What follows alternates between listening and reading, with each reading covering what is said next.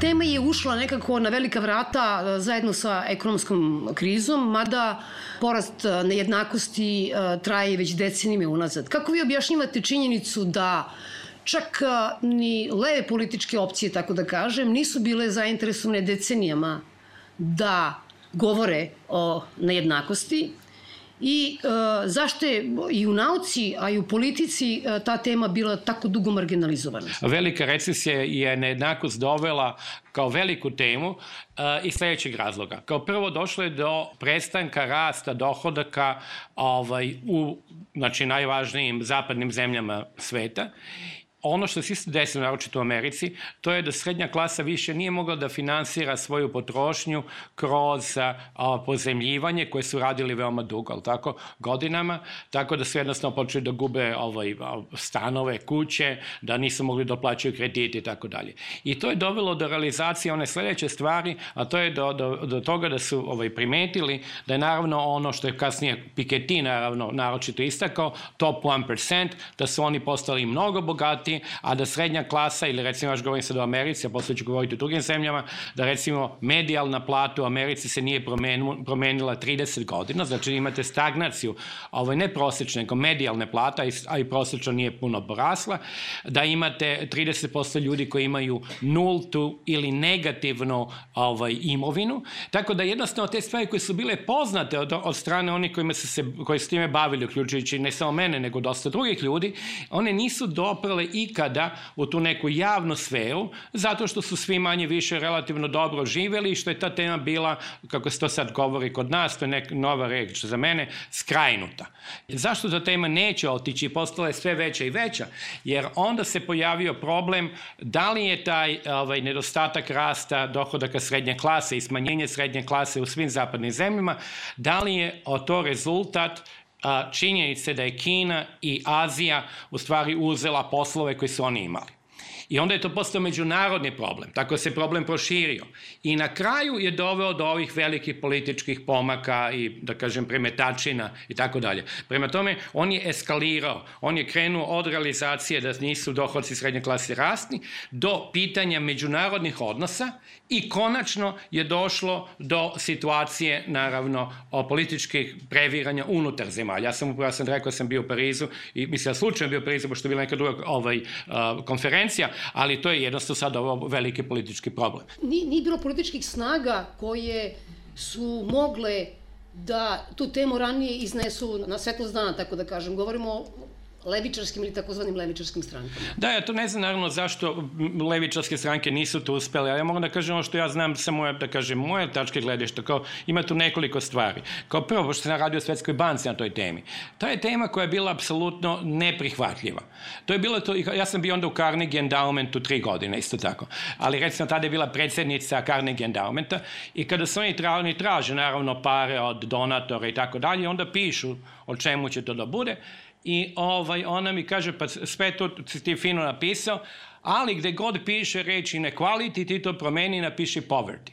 Kaže, zašto? Zato što, kaže, naš, znači ovi svi bogataši i drugi, niko neće da finansira inequality. Jer inequality direktno implicira legitimnost njihovih dohodaka. A poverty ne implicira to, čak vi pomažete smanjenje siromaštva, dajete svoj novac, to onako pozitivno. A i ovaj, drugo bih da kažem da u ekonomskoj nauci isto je bilo ostavljeno po strani, jer um, to ima jedan ideološki okvir i sad neću da ne ekonomiste gnjavim, ali ako imate teoriju opšte ravnoteže, u teoriji opšte ravnoteže sve cene su formirane na tržištu Problem formiranja cena kao tako je problem tržišnog, da kažem, postajanje ovaj, perfektne konkurencije, čiste konkurencije i na taj način se formiraju cene. Prema tome, to je problem monopola i ostalih stvari, ali sve cene koje se formiraju tu, one su samim tim opravdane. A ono što se zove ovaj, na engleskom, na srpskom tačno, endowments, a to je koliko imate ljudskog kapitala ili koliko imate kapitala, nije predmet ovaj, razmatranja u teoriji opšte ravnoteže, jer je to eksternalno, spoljno dato. Prema tome, kad ja ulazim sa mojim obrazovanjem ili sa novcem koji imam i dobijam neku cenu rada ili recimo stopu povraćaja, stopu interesa na kapital, to nisu teme koje se razmatraju. Prema to je bila jedan ideološki razlog od čega se nejednakost nije uopšte došla, da kažem, uh, mislim, nije imala značajnu ulogu u ekonomiji. A kažem, to je znači da tog način razmišljanja je bio takav. Ali mislim, da zbog uh, daljeg razgovora, mislim da bi bilo uh, važno da nam ukratko predstavite značaj, odnosno uh, sadržaj vašeg grafikona te slonovske krivulje, gde ste i pokazali, dakle, od 88. do 2008. godine kako se kretala globalna nejednakost, ko su bili dobitnici, ko su bili gubitnici. Ovaj, ta krivulja je, ide ovako. Znači, ono na horizontalnom, ovaj, na horizontalnoj osi imate poređane ovaj, procentile dohodka po nivou dohodka u celom svetu. Znači, broj 1 je najniži dohodak, pa 2, 3, 4, ovo ono, pa onda dođe broj 100, da je znači najbogatijih ovaj, 1 procenat, koji je otprilike 70 miliona ljudi u svetu.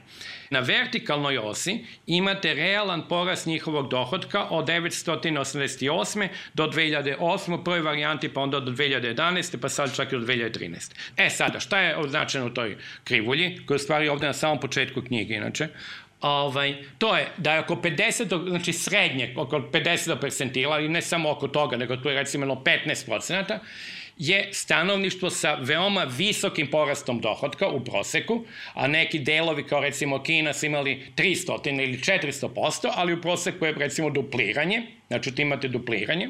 To je tačka A i tako ću da nazovem, tačka A. Onda idete malo dalje ka bogatijim ljudima i dođete negde do 80. percentila i tu imate nulti rast. E, koji su to 80. percentila? Dve trećine tih ljudi su iz tri zemlje mislim, zapadna Evropa, znači, ali tri zemlje su veoma važne, to je Amerika, Nemačka i Japan. I sad, mislim, ja sam za Ameriku već rekao, ali ljudi osvaj, često ne znaju da nemačke plate su isto tako stagnirale, da je donja polovina nemačke distribucije stagnirala, a Japan je stagnirao već 20 godina. I znači, te tri zemlje koje imaju ukupno pola milijarde stanovnika, niža polovina njihove distribucije, to je 250 miliona, oni stvari nisu imali nikakvog rasta. To je tačka B. I onda imate tačku C, što je onaj stoti percentil, znači najbogatijih, sa porastom dohodaka od opet oko 100%. Znači, te tri tačke su ključne I te tri tačke šta god vi uradite, jer taj jer je Fikon dosta na, doveo do, da kažem, i ovaj, kontroverzi, i pokušaja da se tu izmeni to, ali te tri tačke ne možete da nikako rastorite. Jer ne možete da rastorite činjenicu da je Azija i srednja klasa Azije imala strahovito veliki rast, da je srednja klasa Evrope i Amerike imala nizak ili nulti rast i da je top 1% u zapadnim zemljama, a i u drugim zemljama imao veliki rast. I te su tri tačke A, B, C ključ ključni. Ja samo da završim ovo, jer oni imaju te političku implikaciju koja je posto postala veoma jasna. A to je politička implikacija koja je veoma značajna kad razmišljamo sada. Vi uzimate Makrona ili Trumpa ili, ili Brexit ili ovo, italijansku novu vladu. Oni imaju problem ove tačke B, što znači da srednja klasa ne rastu ni dohodci. I imaju sada dva načina da da kažem, pokušaju da to, taj problem reši. Jedan je način da idu protiv tačke A što Trump radi, znači napad na Kinu i znači pokušaj da se poslovi i ostale stvari vrate u Ameriku. Drugi način je napad na tačku C, a što malo ko radi, jer je to onda napad na, znači, na vrh svoje, da kažem, top 1% i na redistribuciju. Ali ono što je, je ključno, to je da to ilustruje da vi imate dve opcije danas na, na zapadu, ovaj, a to je jedna opcija je trgovinski rat, a druga opcija je redistribucija. I kada pogledate, oni između te neke dve opcije razmatraju situaciju. Znači, u tom pogledu se to nije ništa promenilo kad od 80, ovaj, od 2008. Ovaj, dve, ovaj, prvi put je objavljeno 2012. Znači, od tada se nije ništa promenilo. Ja sam od početka zastupao, iako to nije baš preterano, da kažem, jako, i još uvek ne zastupam preterano jako, stav da je globalizacija bio glavni uzročnik ovoga što sam upravo objasnio, znači te tri tačke ABC. Um, imate tri krivca moguća. Jedan je globalizacija o kojoj sam, već, o kojoj sam govorio, o krivac pod naravno navodnicama. Drugi je tehnološke promene, znači, jer su stvari značile da su ljudi sa većim ljudskim kapitalom, sa većim znanjem i tako dalje, u stvari mnogo bolje, da kažem, rade, da kažem, sa mašina, to što se zove ekonomija komplementarnost između mašina i ovaj, visoko obrazovane radne snage i da je to onda dovelo do porasta razlika između dohodaka, to je plata, visoko obrazovanih i srednje obrazovanih, tako da je tu tehnološki progres kao takav uzročnik nejednakosti. I treće objašnjenje je da je ekonomska politika u zemljama zapada, a to znači smanjenje porezkih ovaj, stopa, ovaj, izbacivanje poreza na ovaj, nasledstvo, jednako ili čak povoljnije oporezivanje kapitala u odnosu na rad, dovelo toga. Znači imate tri mogućnosti i tri su, da kažem, te grupe ljudi koji zastupaju jedno, drugo ili treće politički je postalo u Americi veoma teško sada zastupati da je to globalizacija, jer implicitno vas onda optuže da vi u stvari podržavate Trumpovu politiku. I zato dosta ljudi je emigriralo iz ovaj, objašnjenja, iz političkih razloga, da je objašnjenje globalizacija kao objašnjenje da je to tehnološka promjena. E sada, tu imate veoma veliku razliku. Ako vi smatrate da je glavni uzrok tome globalizacija, onda se ostavlja, postavlja pitanje da li ili kako menjati globalizaciju ili da li uopšte i treba menjati, jer ovaj, ono što sam upravo rekao, to nije loš razvoj. I vi imate situaciju da su mnogo siromašniji ljudi napredovali mnogo brže nego bogatiji. Problem je samo što ti bogatiji, naravno, na zapadu imaju političku moć, a Kinezi, Tajland, Burma, Indija nema političku moć u Evropi. Ali sa stačke gledišta, da kažem, celog sveta, to je pozitivan razvoj. A, ovaj, a oni koji zastupaju tehnološki progres, oni onda recimo kažu, pa to što se desilo, to je jednostavno rezultat tehnološkog progresa, to ne možemo ništa, da li hoćete da stavimo, da okončamo tehnološki progres ili šta da radimo. Treća linija da gledamo Piketija, mislim možda najjača toj liniji, a to je da su to ekonomska politika u zapadnim zemljama je bila glavni uzračnik. Tako da, znači, to su te tri varijante objašnjenja. Ja, kada sam rekao ranije, ja sam više za ovu varijantu globalizacije, ali sam potpuno, ja globalizaciju doživljam kao okvir u, unutar koga je ekonomska politika morala se ponaša na način kako se ponašala. Šta je posledice činjenice, čini mi se činjenice, da nema političke spremnosti da se promeni neoliberalna politika i u Americi i u zapadnoj Evropi koja je između ostalog i produkovala taj, taj porast nejednakosti, desetkovanje srednje klase i, i i dalje? E, mislim da, da je politika uglavnom nemoćna da to promeni, zbog toga što mi imamo jedno okruženje, zbog toga mislim da je globalizacija ključna, da imamo jedno okruženje koje smo, kad kažem mi, mislimo ceo svet, da je stvorio kroz svetsku trgovinsku organizaciju, kroz slobodu kretanja kapitala, kroz ovaj, sposobnost da, znači, vi zapošljavate radnu snagu u zemljama dalekim od vas i ono što je Richard Baldwin u novoj knjizi koja se zove Velika konvergencija, veoma lepo pokazuje, prvi put u istoriji, ne samo da smo mi u stanju da ovaj, napravimo fabrike iz Amerike u Kini, nego da, im kontro, da je kontrolišemo iz Amerike. To je nešto je apsolutno novo, da tehnologija zaista tome doprinela.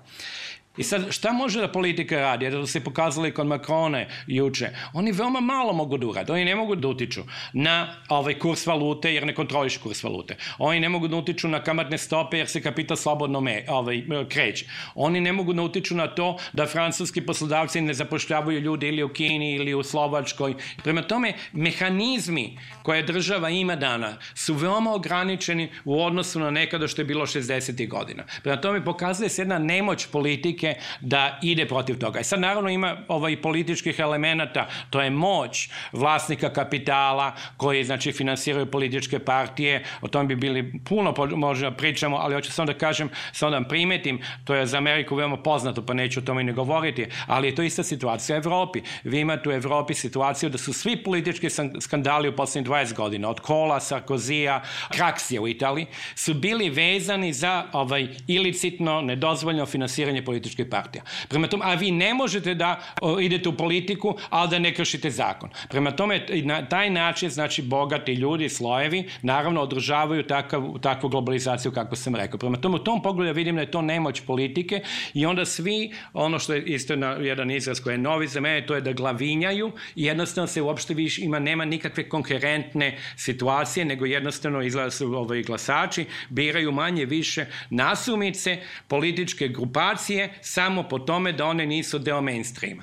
I to je ono što je veoma slično i Macronu, i Trumpu, i Salviniju, ili čak i Brexitu, da nisu deo mainstreama. Jednog časa ste pomenuli ovaj top ovih eh, jedan ili najbogatijih jedan. Da li ekonomski i politički utice njihova eh, raste preti u stvari i da ugrozi elementarne pretpostavke demokratije u ovim zapadnim zemljama Americi recimo. Vi imate političke, znači sada ove politikologe, nekoliko njih ove, u Americi, uh, Gillens, Page, ove, gledali su koliko često problemi koje tište ovaj, ovaj, siromašne, srednju klasu i bogate dolaze na razmatranje u kongres, to je znači ili senat ili predstavnički dom. I ono što se poka, pokazuje, da srednja klasa svojim problemima, pošto to su ankete koje vas pitaju koji su vas glavni problemi, jedni kažu nezaposleni, drugi kažu nered na ulicama, treće školstvo i tako dalje. Srednja klasa, njihovi problemi se razmatraju tek ukoliko se podudaraju sa problemima koje identifikuje bogata klasa. Sad ima Žulija kaže ovu knjigu Cena demokratije u, u Francuskoj, koja upravo to isto pokazuje na finansiranju političkim partija, pa, partija. Prema tome, de facto mi imamo, da kažem, jedno, jedno kretanje ka plutokratiji. Ja mislim da tu to nema sumnje, pogotovo u nekim zemljama da je, znači, izlaznost ovaj, glasača niska, kao što je u Americi situacija, i da, naravno, mi isto tako znamo empirijski da oni koji imaju veće dohodke mnogo češće glasaju nego oni koji nemaju. Sad imate tu puno stvari, ali recimo ja bih teo da pokažem jednu stvar koja, da kažem, često prođe nezabeleženo.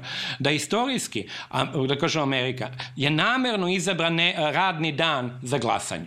Zašto se glasa u radnom danu? A, a ovaj, kada vi imate, kad ste imali socijalističke pokrete u početku, ovaj, posle Prvog svetskog rata, oni su uvek birali nedelju, kada je uvedeno, znači, opšte pravo glasa u, u zapadnoj i u istočnoj Evropi. Zašto Amerika imala utorak? Zato što je onda mnogo teže radnim ljudima da glasaju.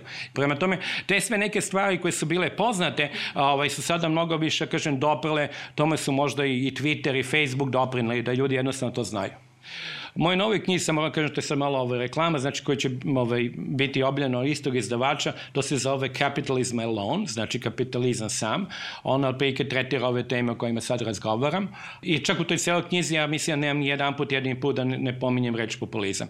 Ne volim populizam zato što je on postao da sad bude korišćen od strane eh, one jedne grupacije neoliberalne grupacije koja je imala vlast, da kažemo, 30 godina i koja onda namerno definiše populizme kao levi i desni, da bi jednostavno kao, da kažem, normalne partije ovaj, prezentirala samo tu sredinu koja je sad postala strašno mala. I to znači jednostavno da onda vi nemate, recimo, u Americi nemate niko koji nije populista sem Hillary Clinton, ali tako? Jer svi ovi drugi su Bernie Sanders i levi populista, Trump je desni populista, prema tome taj se prostor normalnosti eh, hotimično sužava.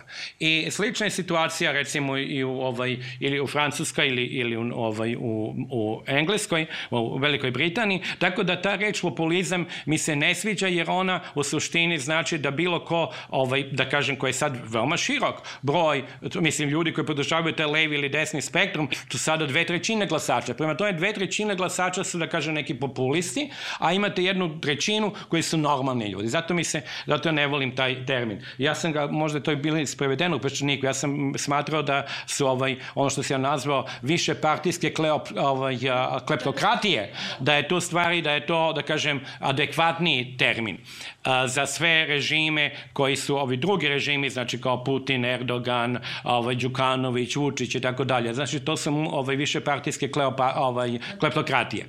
Koja, vi ste pitali da se vrati na ovaj, ovaj, pitanje vaše, kakve su razlike između zapadnoevropskih, da kažem, desnih pokreta i Trumpa i njegove glasači? Za američke glasače znam više, to je sad puno bilo sad razmatrano i tako dalje. To su uglavnom, kao što znate, ljudi koji su nezadovoljni bili upravo ona tačka B, ovaj, veliki procenat naravno beli glasača koji su ostavljeni po strani. Vi imate sada ovaj, po prvi put u istoriji, mislim, valjda u poslednjih 150 godina, pad ovaj, očekivano trajanja života u Americi kod te grupacije ljudi. E sad, za, za evropsku ovaj, uh, desnicu, ja, to je manje, mislim, uh, tu mislim, iz, zbog čega imam to toliko poziva sada iz Nemačke, Francuske i to, to je zbog migracija. Znači, Amerika jeste problem migracije, one su na kao prvim stranama, ali to nije toliko dubok problem. O, u Evropi je to suštinski problem dve različite kulture. Da ako vi tako razmatrate istočnoevropske zemlje, što mislim da je popuno tačno, da su te zemlje koje su 200 godina se borile za ovaj, samoopredelenje i nezavisnost. U suštini sve zemlje, kada krenete od Baltika do Albanije, su stalno bile nesrećne, ili sa Rusima, ili sa Nemcima, ili sa Austro-Ugarskom ili sa Ostomanskom imperijom ili sa komunizmom i tako dalje. I svaka od njih se trudila, a puno njih je postiglo, da postane etnički čista.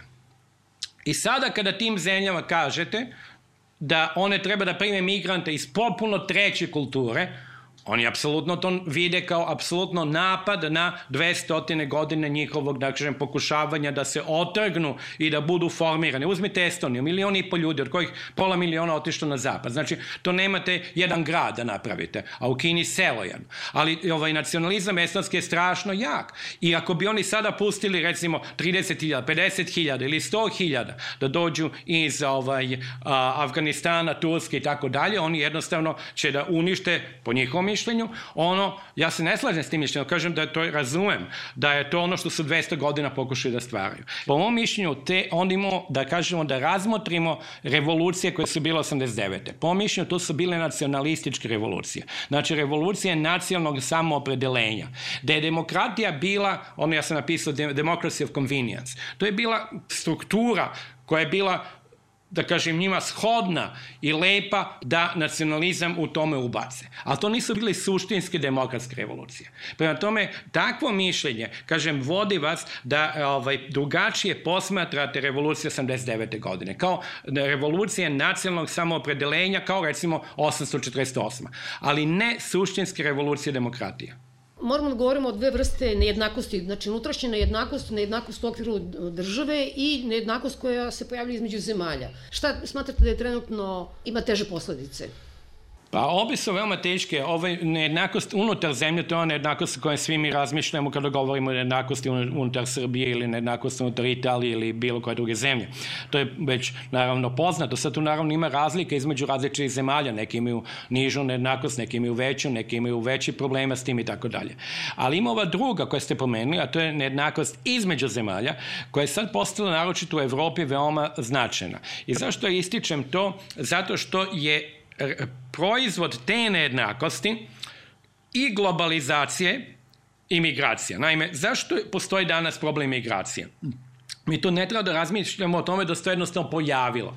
To je rezultat, kao što je kretanje kapitala o kojem sam malo prigovorio, između znači, razvijenih i nerazvijenih i tako dalje zemalja, rezultat globalizacije. Tako je i kretanje rada rezultat globalizacije. Mi imamo, znači, jedno, ovaj, kao prvo, sposobnost da, da im emigriramo ili da se krećemo mnogo više nego ranije, pošto su manje troškovi i bolje znanje o mogućnostima koje možemo da dobijemo u drugim zemljama i imamo jednu ideološku predstavu da globalizacija treba, što je tačno, ako ima slobodu jednog faktora proizvodnje da se kreće, onda treba da ima slobodu drugog faktora.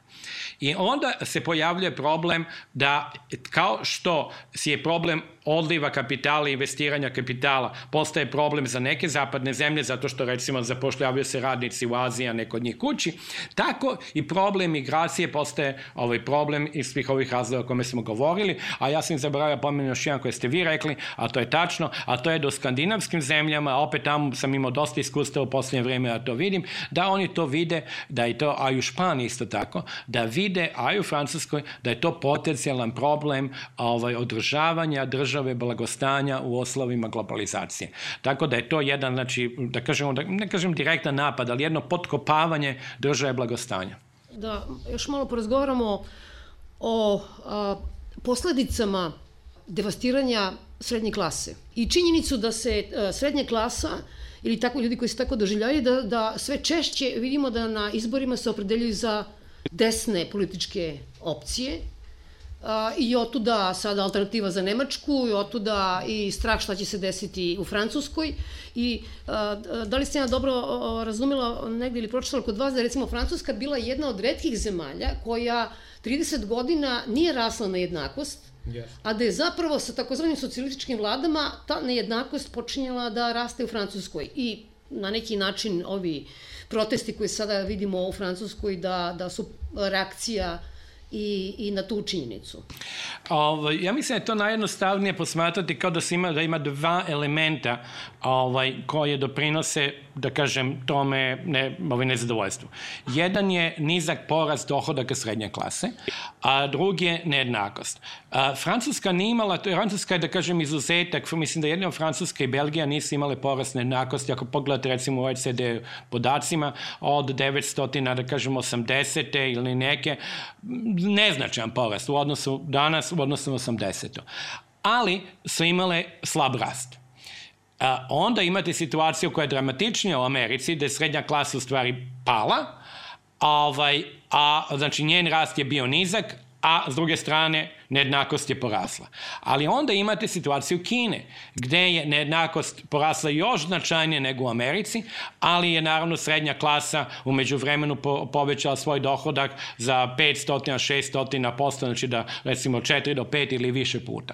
Prema tome imate te dve stvari. Ako vi imate visok porast nejednakosti, ali sa visokim stopama rasta, to može funkcioniše. Ako imate kao francusku situaciju, da nema porasta nejednakosti, a ali nema ni rasta, onda se pojavlja problem i imate u mišljenju najozbiljniju situaciju, a to je američka, da imate, da kažem, nizak ili negativan rast srednje klase, znači dohodak srednje klase i porast nejednakosti. Da onda imate, znači, onaj, ovaj, plutokratiju i, i takvu situaciju. Prema tome, to su, da kažem, tri različite ovaj, ovaj, uh, varijante toga problema ili, recimo, najdramatičniji, ako hoćemo, to je baš najdramatičniji, to je problem bio Rusije pod Jelcinom, da imate ovaj, gubi gubitak jedne trećine društvenog proizvoda sa formiranjem fenomenalnih bogatstava bazirano na političkim ovaj, e, vezama. E, to je znači katastrofalno loše. Samo kratka informacija a, da je pre neki dan, koliko sam shvatila, u Srpskoj akademiji nauka i umetnosti bilo reči o nejednakosti u Srbiji, to je inače tema koja praktično ovde ne postoji. Uh, I ja ću sad samo u dve, tri rečenice da citiram nešto što su preneli mediji, a vi ćete me profesore ispraviti ako nije tačno. Uh, oni su vas zapravo citirali, a to je dakle da nejednakost građana po visini dohodka u Srbiji je najveći u Evropi. Sa stanovišta jednakosti, porezki sistem i sistem socijalne zaštite čine da ta nejednakost bude velika. Jer, kaže profesor Arandarenko, ako je rekao, da je nejednakost u Srbiji pre poreza i socijalnih transfera slična kao u Evropskoj uniji, a da posle toga naglo raste, A tamo je bila i profesorka Jelena Žarković koja je dala to uporedno analizu sa Srbije i Slovenije i samo neki frapantni podaci. Dakle, u Sloveniji, kao i u Srbiji, 3% populacije prima socijalnu pomoć. U Sloveniji ona iznosi 25%, a u Srbiji 8% od prosečne plate, a recimo deči dodatak u Srbiji prima 19% dece, u Sloveniji 86%.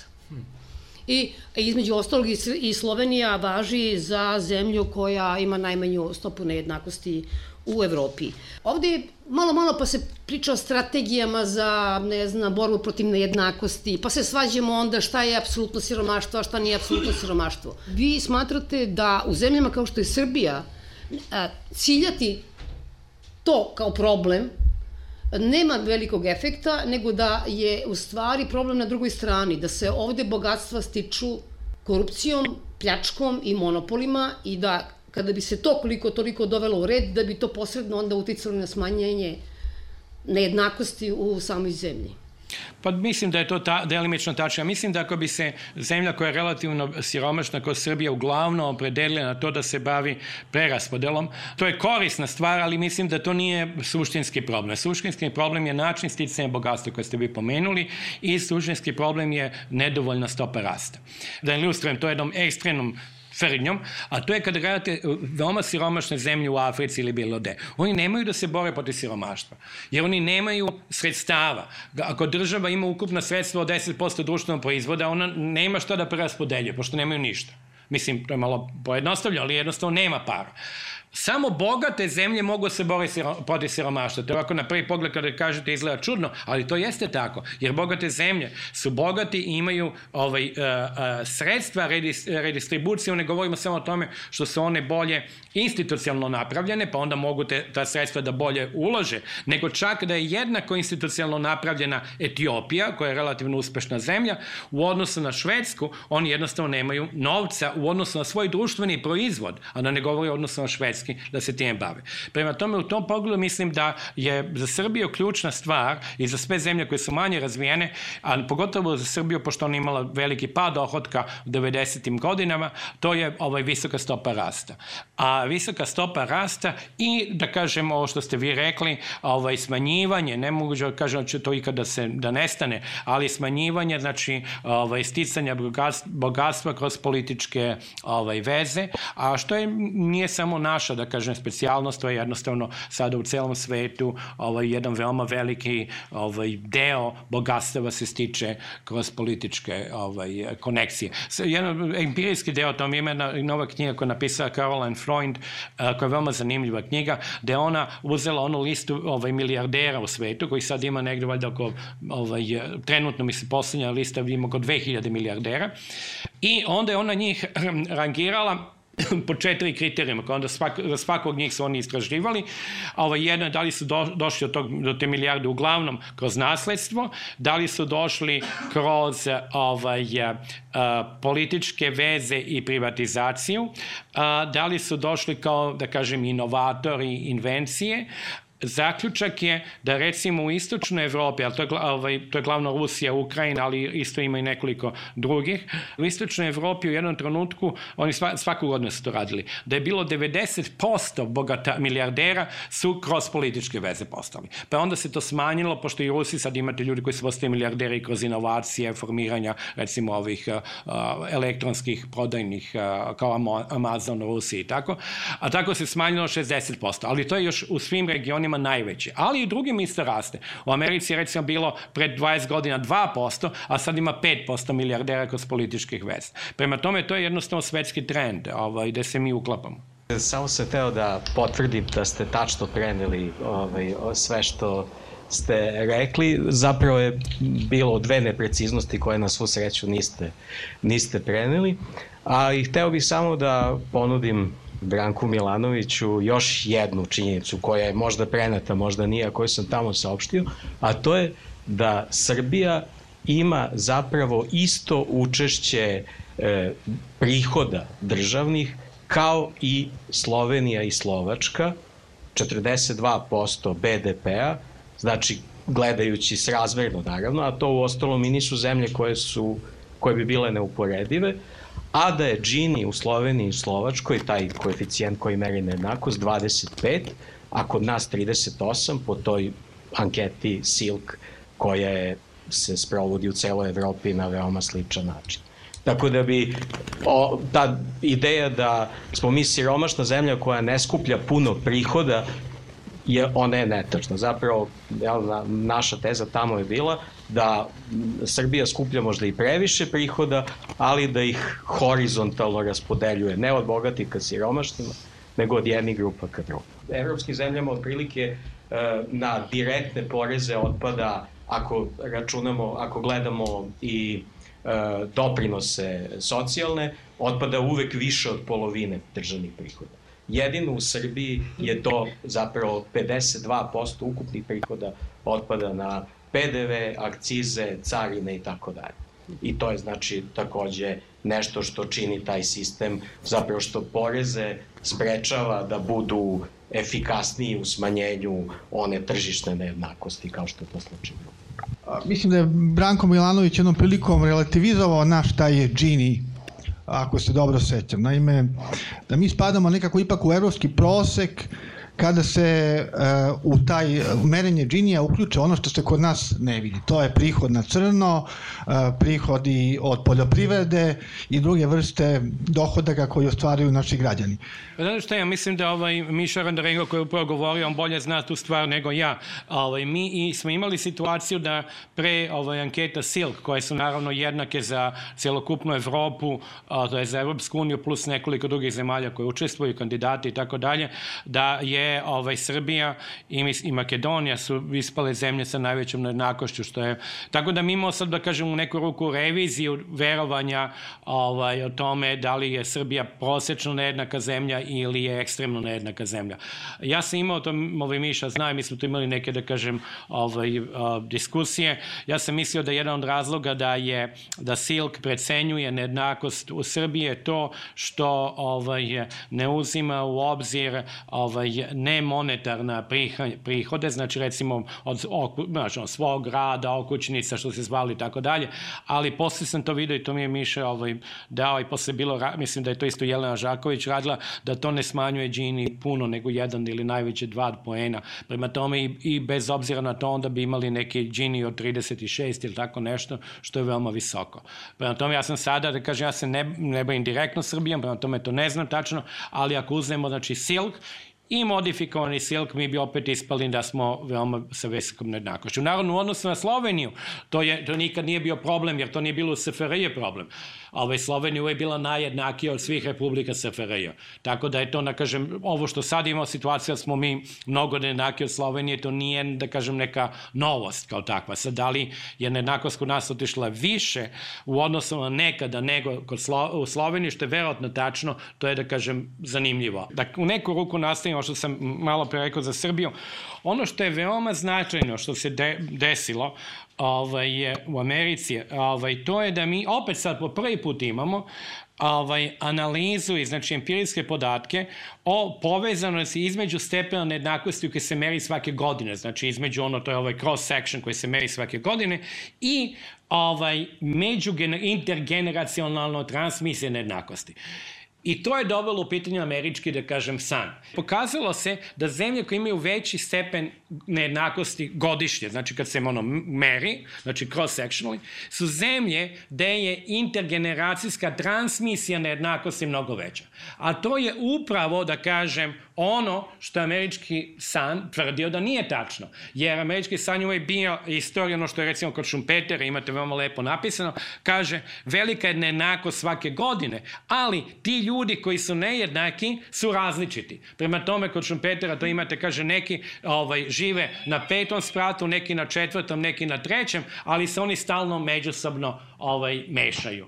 I znači oni koji su sa petog godu na treći i četvrti, vi merite svake godine veliku nejednakost, ali ne vidi da su to različite ljudi i prema tome u stvari taj, da kažem, intergeneracijska ovaj, transmisija nejednakosti je slaba. Ali u suštini se pokazalo da ona nije slaba, nego da je napravo jaka i da je oprilike ono što sad znamo, pošto imamo za jedno 15 zemalja, a naravno za Srbiju nemamo to, ali imamo za jedno 15 zemalja da je najmanja transmisija u nordijskim zemljama. Znači, one su najjednakije i imaju najmanju transmisiju intergeneracijsku.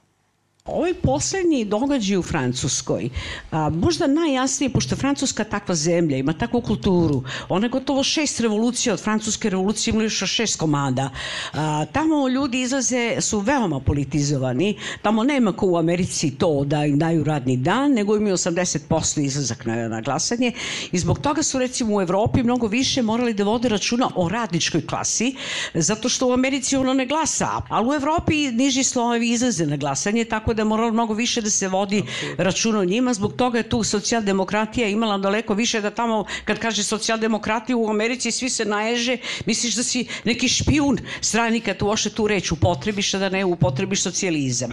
Međutim, a, meni se čini da ove poslednje demonstracije u Francuskoj, koja uvek nekako signalizira, to je takva zemlja, signalizira nešto što će da se dogodi i do sada sve francuske pobune su imale jasnu organizaciju. Znači, kad blokiraju aerodrom, aerodrome, to su aerodromski sindikati i to je jako politički, ne samo partijski, nego politički organizovana zemlja. Ovde je prvi put da nema organizacije gde se praktično pokazuje da oni kažu nećemo više taj sistem, da je to postalo izuzetno jasno. Hoću da kažem da e, je došlo do jednog sistemskog disbalansa zato što u stvari ekonomija je preuzela banku. Mislim, ona diktira sve. Znači, sve oblasti društva su podvedene pod ekonomiju. Znači, mi ne možemo više da podnesemo teror ekonomije. Novac i ta bogatstva, te razlike o kojima se govori, tu u stvari je jedna potpuna dominacija novca. Međutim, ti moraš da napraviš parsonijanski sistem, da ta, taj sistem jeste u nekakvoj unutrašnjoj ravnoteži. E, to se može da vidi najbolje prema partijama. Znači, izgubljena je partijska ravnoteža. Jer levica u kapitalizmu je, kako da kažem, inherentna, što bi rekao Marks, da će ona mora da bude korekcija, da bude ili Steven Lux rectification, da, da, znači da. popravak toga. Ako ti nemaš taj levi blok pa da se malo menja levica i desnica i da se onda sistem održava u nekoj ravnoteži, ovo je sada postao potpuno neuravnotežen sistem ja bi se tu nekako složila da bi to verovatno moglo da se rešava nekom vrstom internacionalizma što je ovde pomenuto. Znači, ako ti udariš ove bogate, on odmah iz Francuske pređe u Belgiju, ona pređe odande do ovde, znači ti u stvari, ako imaš globalizaciju ili ono što kaže Habermas, ti moraš da imaš onda nekoga, čekaj, ako smo na tom nivou, onda moramo da i neke institucije postavimo na tom Absolutno. nivou, a ne da nam međunarodne korporacije unište i državu i od tuda onda i taj nacionalizam, zato što ti vidiš da tamo neko drugi komanduje tvoj zemlji, a tvoja zemlja još uvek postoji. Tako da ja mislim da je na, na delu u stvari kriza tog sistema. Da, ja, ovaj, ja bi se potpuno složio sa tim, e, znači neću da ponavljam ovo sve što je Vesna rekla, jer se potpuno slažem, nema razloga da pričam dva puta isto. Ovaj, za geografsku nejednakost, prvo bih rekao nešto, to je tačno da u svim zemljama, kad govorim sad o istočnoj Evropi, ali na kraju to i za druge isto tako tačno, recimo London je za englesku, da je došlo do metropola, da su sve, da su metropole i veliki gradovi strašno puno dobili globalizacije, ali da su pojeli sve ono oko sebe. I tako da imate situaciju Budimpešte, da imate Prag, da imate Varšavu, Moskva ili Petersburg u manjem smislu, ali Moskva koja potpuno dominira, to je toliko očigledno, ja sam sad bio nekoliko puta i to, to je toliko očigledno, vi kad se izmaknete iz Moskve 150 km, vi ste u potpuno drugoj zemlji, a Moskva sama je kao zapadna Evropa. Znači, toliko su velike te geografske razlike, ali, kažem, recimo Engleska isto tako, koja je, da je London dominira, Francuska je istorijski imala Paris kao dominanta, tako da to nije nešto novo, ali jednostavno globalizacija je doprinala tim geografskim razlikama unutar zemalja. A za ovo drugo se potpuno slažem sa Vesnom, znači neću ponavljam, jedino što je problem sledeći. Kada Vesna kaže, to je ovaj problem ovaj, jednostavno odbacivanja sistema. Uh, I potpuno je tačno da ekonomija sve dominira. U stvari, ekonomija je preuzela politiku. Više nema, da kažem, nezavisnosti politike. Ne, politika je u stvari jedna, da kažem, produšena ruka ekonomije. To je veoma jasno. Ali problem je što mi nemamo apsolutno nikakvu alternativu. I to je što je ono veoma teško. Mi imamo neke takve mrvice ovamo, onamo, koje neko napiše i to sve, ali mi nemamo jednu ideološku alternativu. Ona ne postoji. I to mislim da je jedno problem ne samo levice, nego je to problem ovaj, shvatanja kako koja će to biti neka kontrateža ovoj dominaciji ekonomije, a da u isto vreme sve one, da kažem, povoljne elemente globalizacije ne rasturimo, jer mi možemo da imamo kontratežu da odemo ovaj, u ratove ili da ovaj, Amerika napadne Kinu ili, mislim, takve su mogućnosti, ali to je očigledno ne bi bilo, da kažem, poželjno. Možda postoji alternativa, ali ona nije toliko različita. Recimo kapitalizam, uz određene socijalne mere. Mm -hmm. uh, dakle, regulacije koje moraju da se, uh, da se provedu na na međunarodnom planu. Dakle, ne, dakle, kažemo alternativa, ne mislimo na kineski sistem. To je sve u okviru kapitalizma. Pa i Kine je kapitalizam. Uh, da. A, Ono je taj više kapitalistička, čak mislim da je Da, ali ne idemo na taj jednopartijski sistem, to se A, može bude da, da. demokratija, uz institucije koje garantuju redistribuciju, uh, progresivno oporezivanje, zaštita od monopola na međunarodnom nivou. Možda ne treba tražiti neku radikalnu novu alternativu. Možda, da, da. Ne mislim da mi nemamo, da kažem, nekih mogućnosti unutar, ali hoću da kažem da, da su te mogućnosti, slažem sa Vesnom, su one prilično limitirane. Jer svaka od tih mogućnosti kada krenemo, ona direktno ide u, da kažem, postavljanje pitanja, ono što kaže questioning, onoga što je već formirano. Znači, vi neke od tih stvari možete da radite na međunarodni nivo, ali sad i međunarodni nivo nije dovoljan. Hoću nam kažem sledeće, za Evropu je dobro, pretpostavljamo da se nešto uradi, recimo, kontrola monopola je moguća, čak možda je zajednička ova, ova porezka politika je moguća i tako. Ali, to sa sve postaje manje značajno, jer vi imate glavne sada velike ekonomske igrače koji su Kina i Indija. Prema tome, oni, njih to se ne tiče. I udeo Evrope u, evro, u društvenom proizvodu sveta značajno opada. Recimo da imam nekoliko lepih grafikona, ne samo Amerika prema Kini, nego uzmite recimo Indija prema Nemačkoj. Ovaj, nekada je Nemačka ne, ovaj, imala ovakvu situaciju, Indija ovde. Kakva je sa situacija obrnuta? Prema tome, igrači su se promenili. To je, znači, ovaj, Azija je apsolutno, znači, glavni igrač. Prema to je čak i ukoliko Evropa uspe da se nešto dogovori, to neće da pogodi ove druge. Prema tome, situacija je, kažem, mnogo kompleksnija. Ja se slažem da ima nekih, da kažem, alternativa, ja sam to onako grubo rekao, a, ali mislim da, ovaj, je, da je veoma teško kod svake tih alternativa kada krenete vama se javi neki problem, da li što će pobegnu bogati ljudi, da li što će imati Lichtenstein ili Bahama ili Singapur, recimo sada više niko ne stavlja paru u Ameriku nego u Singapur, jer Singapur vas neće juriti. I o, to će biti jedan od razloga što ja mislim da će se ići van, van dolara, zato što činjenica da upotrebljavate dolar vas vodi kao, kao deo ove američke jurisdikcije. Prema tome, mislim da su sve te promene uh, sad moraju da se gledaju u jednom mnogo širem kontekstu, jer je sada ovaj svet postao jednaki u tom pogledu.